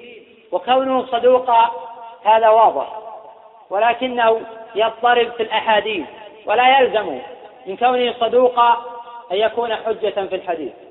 فإن الراوي قد يكون صدوقا ولا تقبل أحاديثه لأنه يضطرب فيها بمعنى أنه لا يتعمد الكذب وأنه يصدق فيما يروي لكن ليس بحافظ فتختلط عليه الأحاديث. ولا سيما في هذا الخبر ففيه اضطراب. عن شعر بن حوشب الأشعري الشامي مولى أسماء بنت يزيد بن السكن وقد حدث عن بلال ولم يسمع منه وعمر بن عبسة وقال أبو حاتم لم يسمع. وعن ابن عمر وابن عباس وأبي هريرة وأم سلمة وآخرين من الصحابة. وعنه بديل بن ميسرة وثابت البناني وحبيب ابن أبي ثابت وداود ابن أبي هند وعبد الحميد ابن بهرام. قال شعبة لقيت شهرا فلم أعتد به. وقال ابن عون إن شهرا نزفوه أي طعنوا فيه. وقال الجوزجاني أحاديثه لا تشبه أحاديث الناس. وقال النسائي ليس بالقوي. وقال ابن حبان كان ممن يروي عن الثقات المعضلات وعن الأثبات المقلوبات. وقال ابن عدي ليس بالقوي في الحديث. وكذا قال غير واحد لأنه لا يحتج بحديثه ولا يتدين به. بينما قال ابن معين بأنه ثقة ونقل الإمام أبو عيسى الترمذي رحمه الله تعالى عن البخاري بأنه حسن الحديث. وكذا قال الإمام أحمد رحمه الله تعالى لا بأس به وعنه لا بأس بحديث عبد الحميد بن بهرام عن شهر بن حوشب. ولهذا قال الدار قطني رحمه تعالى عن شهر يخرج من حديثه ما روى عنه عبد الحميد والناظر في أحاديث شهر والباحث في مروياته والمتتبع لذلك يرى أنه مضطرب الحديث يروي عن الثقات المنكرات ويتفرد عنهم بما لا يشبه أحاديثهم. كما قال ذلك الجوزجاني وابن حبان. ولهذا قال أبو ابن عدي لا يحتج بحديثه ولا يتدين به. غير أنه صدوق اللسان لا يتعمد الكذب وإذا روى عنه عبد الحميد بن بهرام فهو أحسن حالا وأقل خطأ من رواية الآخرين. وقد قال أكثر الحفاظ بأنه توفي سنة مئة. وقد روى له البخاري في الأدب المفرد ومسلم مقرونا وأهل السنن. عن أبي أمامة هو صلي بن عجلان ويقال ابن عمرو الباهلي صحب رسول الله صلى الله عليه وسلم وروى عنه وسمع من بعض الصحابة كعبادة بن الصامت وعمر بن الخطاب وعمر بن عبسة وروى عنه جمع غفير وهو آخر من مات من أصحاب رسول الله صلى الله عليه وسلم بالشام. وذلك سنة ست وثمانين. وقد شهد مع النبي صلى الله عليه وسلم حجة الوداع وكان عمره أنذاك ثلاثين سنة. روى له الجماعة. قال توضأ النبي صلى الله عليه وسلم. روى صفة وضوء النبي صلى الله عليه وسلم صحابة كثيرون. وأصح حديث ورد في الباب هو حديث عثمان رضي الله عنه. وقد رواه الجماعة. وحديث عبد الله بن زيد. وهو متفق على صحته. ويليهما حديث ابن عباس رواه البخاري. وحديث علي رواه أهل السنن. وفي الباب أحاديث كثيرة. وهي على ثلاث مراتب. منها الصحيح المتفق عليه. ومنها الحسن. ومنها الضعيف. قال أبو مامة توضأ النبي صلى الله عليه وسلم فغسل وجهه ثلاثا وقد جاء هذا في حديث عثمان لأن النبي صلى الله عليه وسلم غسل وجهه ثلاثا وتقدم أن الإمام أحمد وجماعة قالوا والمضمضة والاستنشاق من الوجه أي يجبان كما يجب غسل الوجه وقال جماهير العلماء لأن ذلك سنة وليس بواجب. وتقدم تقوية هذا القول. ولم يرد الأمر بالمضمضة إلا في حديث لقيط بن صبرة وقد تقدم الحديث عنه. وأن الحديث الأخرى تصرفه إلى الاستحباب ولأن الله جل وعلا لم يذكر في كتابه سوى غسل الوجه وهو أول فروض الوضوء. الفرض الثاني غسل اليدين إلى المرفقين أي مع المرفقين الفرض الثالث مسح الرأس والراجح وجوب تعميمه. الفرض الرابع غسل الرجلين مع الكعبين. قوله ويديه ثلاثة قد جاء هذا أيضا في حديث عثمان وغسل يديه ثلاثة. قوله ومسح برأسه لم يذكر عددا لأن المسح مبني على التخفيف. وهذا عام في مسح الرأس في مسح الجبيرة وفي المسح على الخفين. ويقتصر في مسح الخفين على الظاهر. أما الجبيرة فيعممها بالمسح. على رأي أكثر العلماء استثناء لأبي حزم رحمه تعالى فلا يرى المسح على الجبائر. قوله وقال الأذنان من الرأس. صحيح أن هذا من قول أبي أمامة وليس من قول النبي صلى الله عليه وسلم. قال قتيبة قال حماد لا أدري هذا من قول النبي صلى الله عليه وسلم أو من قول أبي أمامة. وقد ذكر الإمام الدار قطني رحمه الله تعالى في السنن عن سليمان بن حرب أنه قال الأذنان من الرأس إنما هو من قول أبي أمامة فمن قال غير هذا فقد بدل أي أخطأ. وقال موسى ابن هارون عن هذا الحديث ليس بشيء فيه شهر ابن حوشب وشهر ضعيف والحديث في رفعه شك. وقد جاء الخبر أيضا من حديث أبي أمامة من طريق القاسم ومن طريق راشد بن سعد. ولا يصح من ذلك شيء. وقد أحسن أبو عيسى رحمه الله تعالى حين قال هذا حديث ليس إسناده بذاك القائم قال أبو عيسى رحمه الله تعالى وفي الباب عن أنس. نرجع إلى شرح كلام أبي عيسى ليس إسناده بذاك القائم إن شاء الله تعالى. قال أبو عيسى وفي الباب عن أنس. هذا رواه الدار قطني رحمه الله تعالى من طريق عفان بن سيار عن عبد الحكيم عن أنس. قد أنكره الدار قطني رحمه الله تعالى فقال عبد الحكيم لا يحتج به. وقد جاء في الباب حديث ابن عمر رواه جماعة والراجح وقفه وحديث أبي هريرة رواه ابن ماجه ولا يصح وحديث ابن عباس وعبد الله بن زيد وآخرين من الصحابة. ولا يصح من ذلك شيء. كما جزم بهذا أكثر الحفاظ. ولا يمكن تحسين هذه الأحاديث بالشواهد لأسباب. الأمر الأول أن في كثير منها خطأ والحديث إذا وقع فيه خطأ لا يمكن ضمه إلى غيره وتقويته بغيره. فهناك فرق عند المحدثين بين أن يروى الحديث بسند فيه لين أو في سند فيه سيء الحفظ أو ضعيف الحديث وبين يكون الحديث خطأ. الأمر الثاني أن الأمر المقطوع به عند أكابر المحدثين أن أحسن أحوال هذا الحديث وقفها. والأحاديث المرفوعة معلولة بالوقف وليست معلولة في سوء حفظ الراوي ونحو ذلك وبعضها معلول بالإدراج. الأمر الثالث أن الحديث الضعيف إذا تعددت طرقه وقويت شواهده يحسن ما لم يخالف أصلا. أما إذا كان يخالف أصلا فلا يمكن تحسينه بالشواهد مطلقا وسوف يأتي إن شاء الله تعالى بيان أن الأذنين من الرأس من فعل النبي صلى الله عليه وسلم.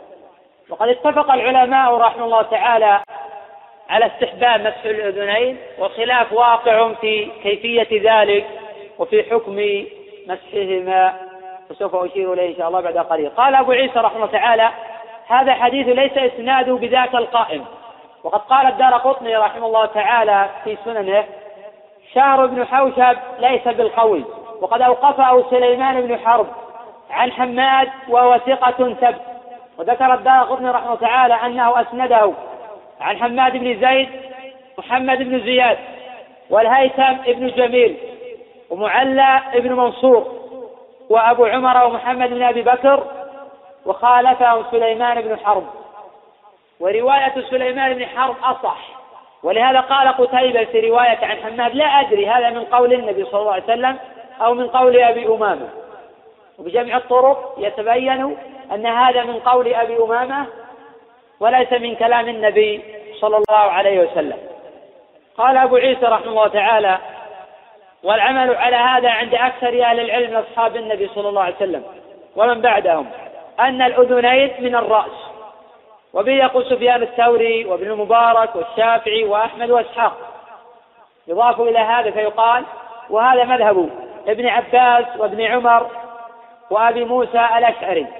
وإليه ذهب عطاء والحسن البصري وسعيد بن المسيب وابن سيرين وهو مذهب أبي حنيفة ومالك. كل هؤلاء الأئمة يقولون بأن الأذنين من الرأس على خلاف بينهم في حكم المسح على الأذنين. فقال أكثرهم بالإستحباب. بل نقل الإمام ابن جرير رحمه تعالى الإجماع على ذلك. ولكن نقل عن إسحاق وأحمد بن حنبل إيجاب مسحهما. قال أبو عيسى وقال بعض أهل العلم ما أقبل من الأذنين فمن الوجه. يعني هذا القول الثاني. القول الأول أن الأذنين من الرأس وهذا قول من تقدم ذكرهم. ويشهد لقولهم ما رواه أبو داود في حديث موسى ابن أبي عائشة عن عمرو بن شعيب عن أبيه عن جده. حين أتى الرجل إلى النبي صلى الله عليه وسلم يسأله عن الطهور قال ثم مسح برأسه وأدخل أصبعي السباحتين في أذنيه ومسح بإبهامي على ظاهر أذنيه وبالسباحتين باطن أذنيه فظاهر هذا الحديث أن الأذنين من الرأس وأنهما يمسحان بعد مسح الرأس. القول الثاني في المسألة ما أقبل من الأذنين فمن الوجه وما أدبر فمن الرأس. وهذا مذهب الشعبي. وهذا الذي اختاره إسحاق.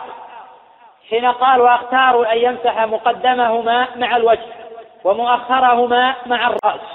وقد تقدم أن ظاهر الأذنين خارجهما مما يلي الرأس وأن باطن الأذنين داخلهما مما يلي الوجه. وهذا القول قوي غير أنه لم يرد به نص ولا حديث على خلافه. وهؤلاء لاحظوا أن الوجه ما واجهك. فحينئذ تمسح مقدم الأذنين مع الوجه لأنهما يواجهانك وتمسح مؤخرهما مع الرأس وذلك لقربهما منه. ولو لم يرد في المسألة دليل قوي لكان هذا القول هو الراجح.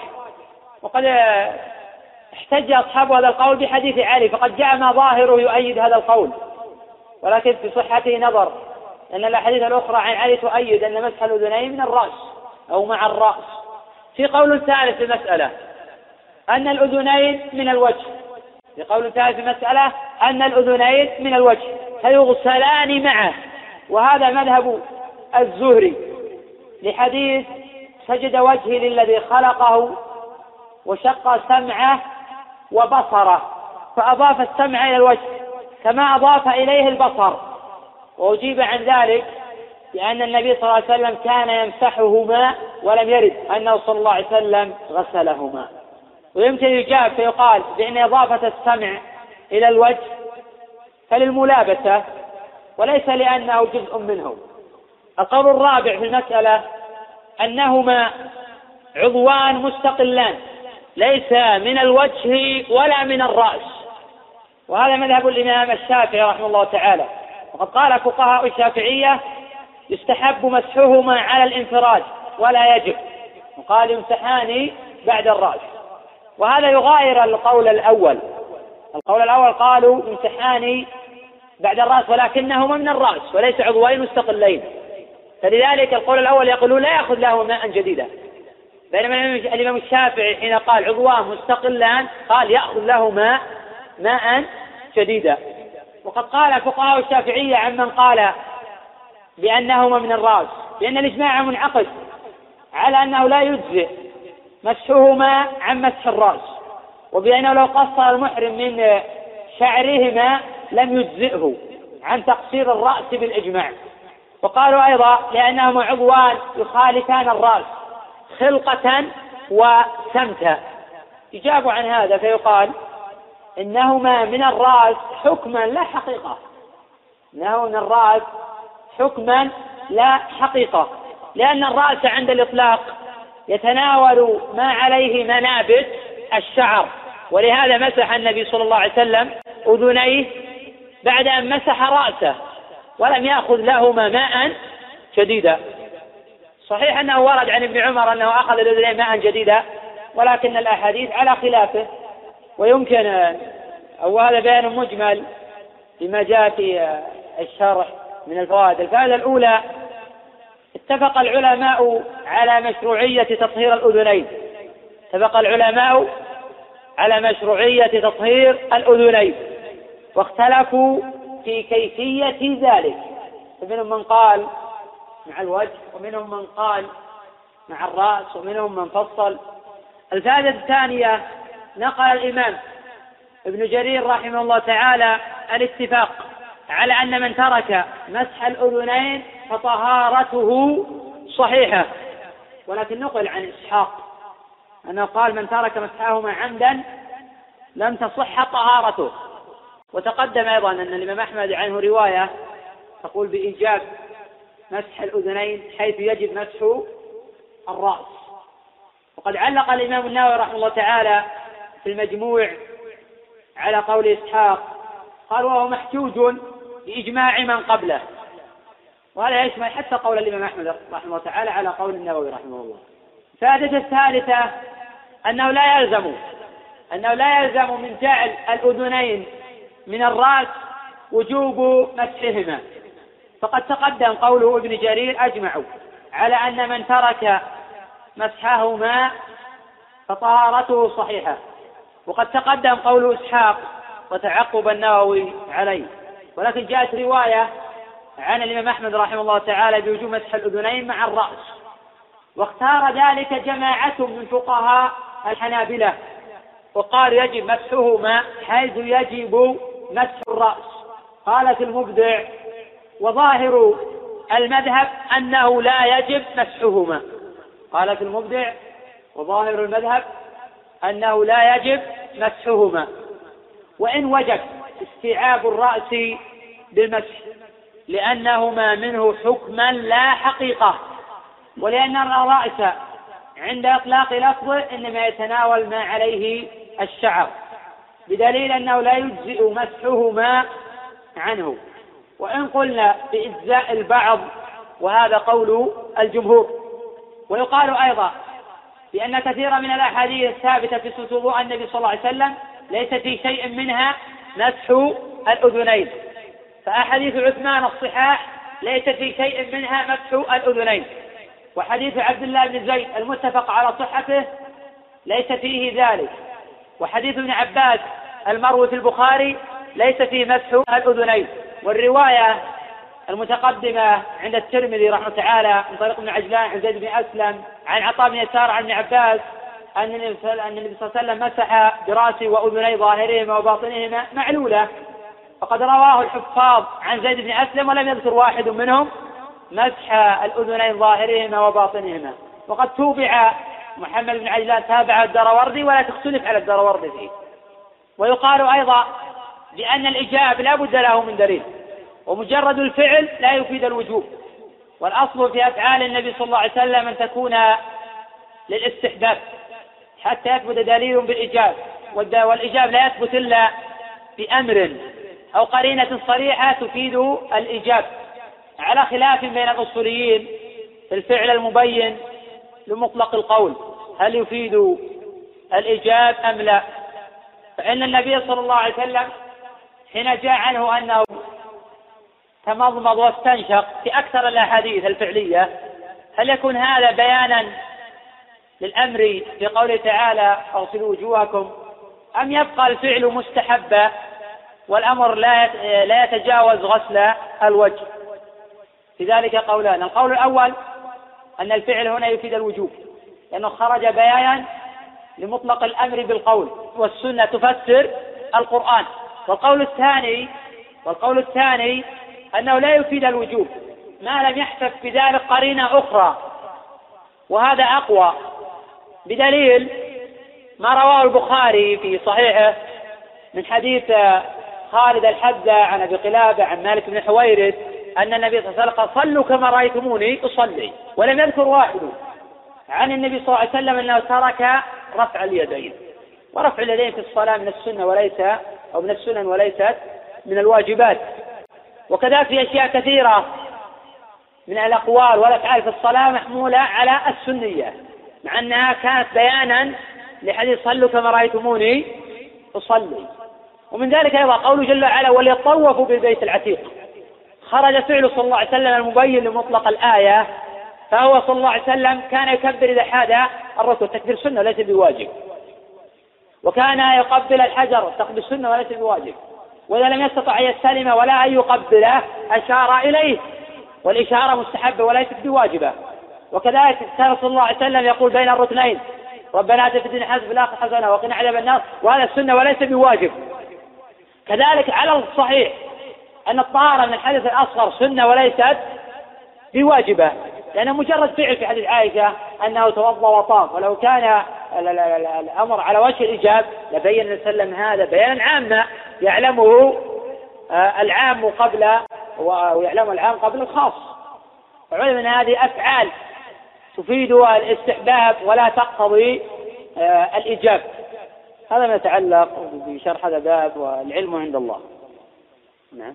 في قول هذه السنة هذا نحتج فيه بالإجماع أن هذه الأمور مجمع على الناس سنة رفع اليدين لم يجمع على أنه سنة.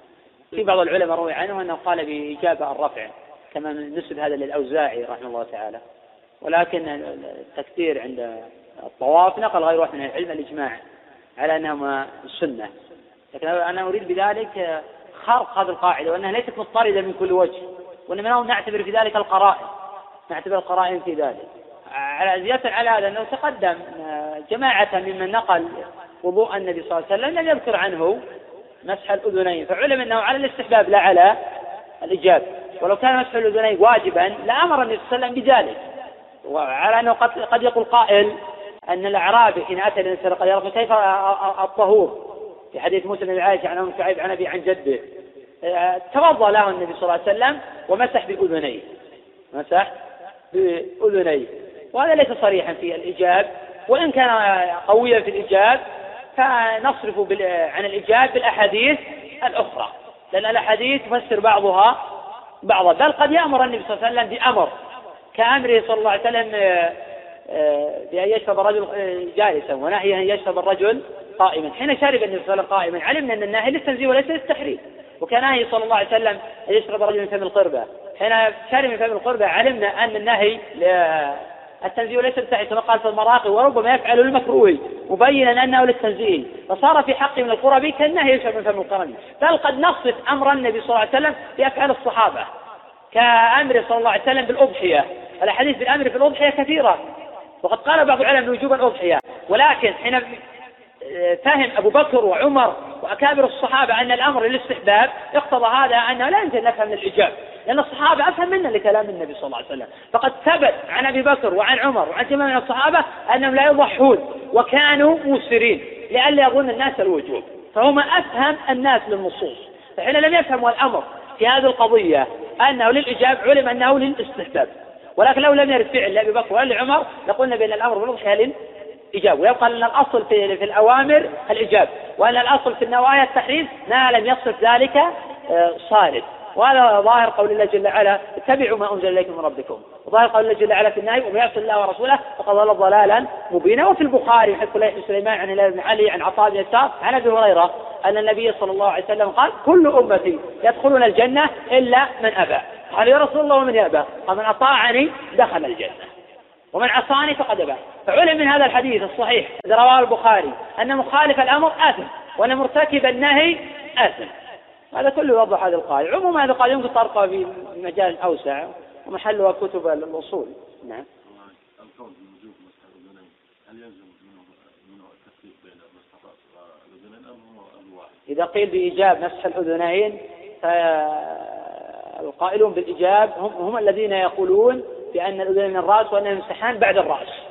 ولا الذي يقولون بأنهما من الوجه أو يقولون بأنهما عضوان مستقلان يرون استحباب مسح الأذنين. إلا ما جاء عن إسحاق من إجابة مسح الأذنين وعلى أنه فصل. جعل شيئا من الوجه شيئا من الرأس. نعم. لو تعارض القول مع الفعل أيهما يقدم قول النبي صلى الله عليه وسلم مع الفعل. حديث صلوا كما رأيتموني أصلي هو فعل صلى الله عليه وسلم. لا تعارض بين قوله وبين فعله صلى الله عليه وسلم. فإذا وجد مظاهر التعارض يجب حمل هذا على حالة وهذا على حالة. فإذا أمر النبي صلى الله عليه وسلم بأمر ثم جاء ترك نحمل الأمر على الاستحباب لا على الإجابة كما أنه إذا نهى صلى الله عليه وسلم عن شيء وفعل بخلاف منع أن نحمل النهي على التنزيه والفعل على الجواز وعلى الكراهية على قول طائفة من الأصوليين. وبعض أهل العلم يرى أن الفعل يحمل على الخصوصية. إذا أمر النبي صلى الله عليه وسلم بأمر أو نهى النبي صلى الله عليه وسلم عن شيء ثم جاء خلاف الأمر أو خلاف النهي يحمل الفعل على الخصوصية. وهذا قول طائفة من أهل العلم. قالوا لأن القول أقوى من الفعل. وفي هذا نظر. الكل تشريع فينبغي أن نحمل هذا على هذا حال وهذا على حال إذا أمكن إلى ذلك سبيلا؟ أو نحمل ذلك على الخصوصية. نظير الحمل على الخصوصية حين لا يمكن الحمل. حين نهى النبي صلى الله عليه وسلم يدخل على المرأة بدون محرم وعلى حديث ذلك كثيرة لكن صلى الله عليه وسلم بات عندهم من حرام. هذا نحمل على الخصوصية. قال ابن حجر في الفتح وجد الخصوصية واضح. لا يمكن نقول هذا على آه، النهي على التنزيه. هذا الخصوصية واضح. فلذلك إذا أمكن الجمع بين النصين هذا هو الواجب لأنه يقتضي حمل هذا على الإجاب أو على هذا على الخصوصية. يقتضي تعطيل أحد النصين.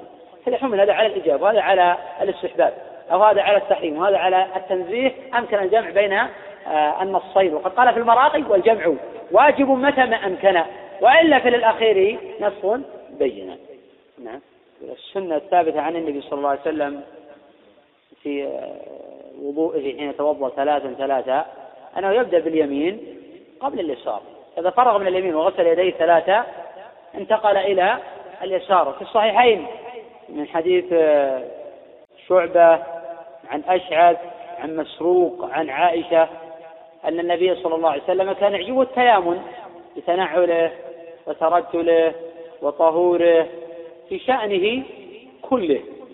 هذه السنة في ذلك. لكن لو آه، بدأ باليسار قبل اليمين صح وضوءه اتفاقا. صح وضوءه اتفاقا. في قول نسب للحنابلة بوجوب البدء باليمين قبل اليسار. في قول نسب الحنابلة في وجوب البدء باليمين قبل اليسار. لحديث أبي هريرة يتوضأتم فابدأوا بميامنكم وهذا أمر. لكن الجمهور حمل هذا الأمر على الاستحباب دون آه، الإيجاب. والله أعلم. نسأل الله تعالى أن يجزي الشيخ على ما قدم. وأن يجعله في ميزان حسناته ويبارك به وبعلمه. كما نسأله تعالى أن ينفعنا بما سمعنا إنه سميع مجيب. وصلى الله وسلم على نبينا محمد.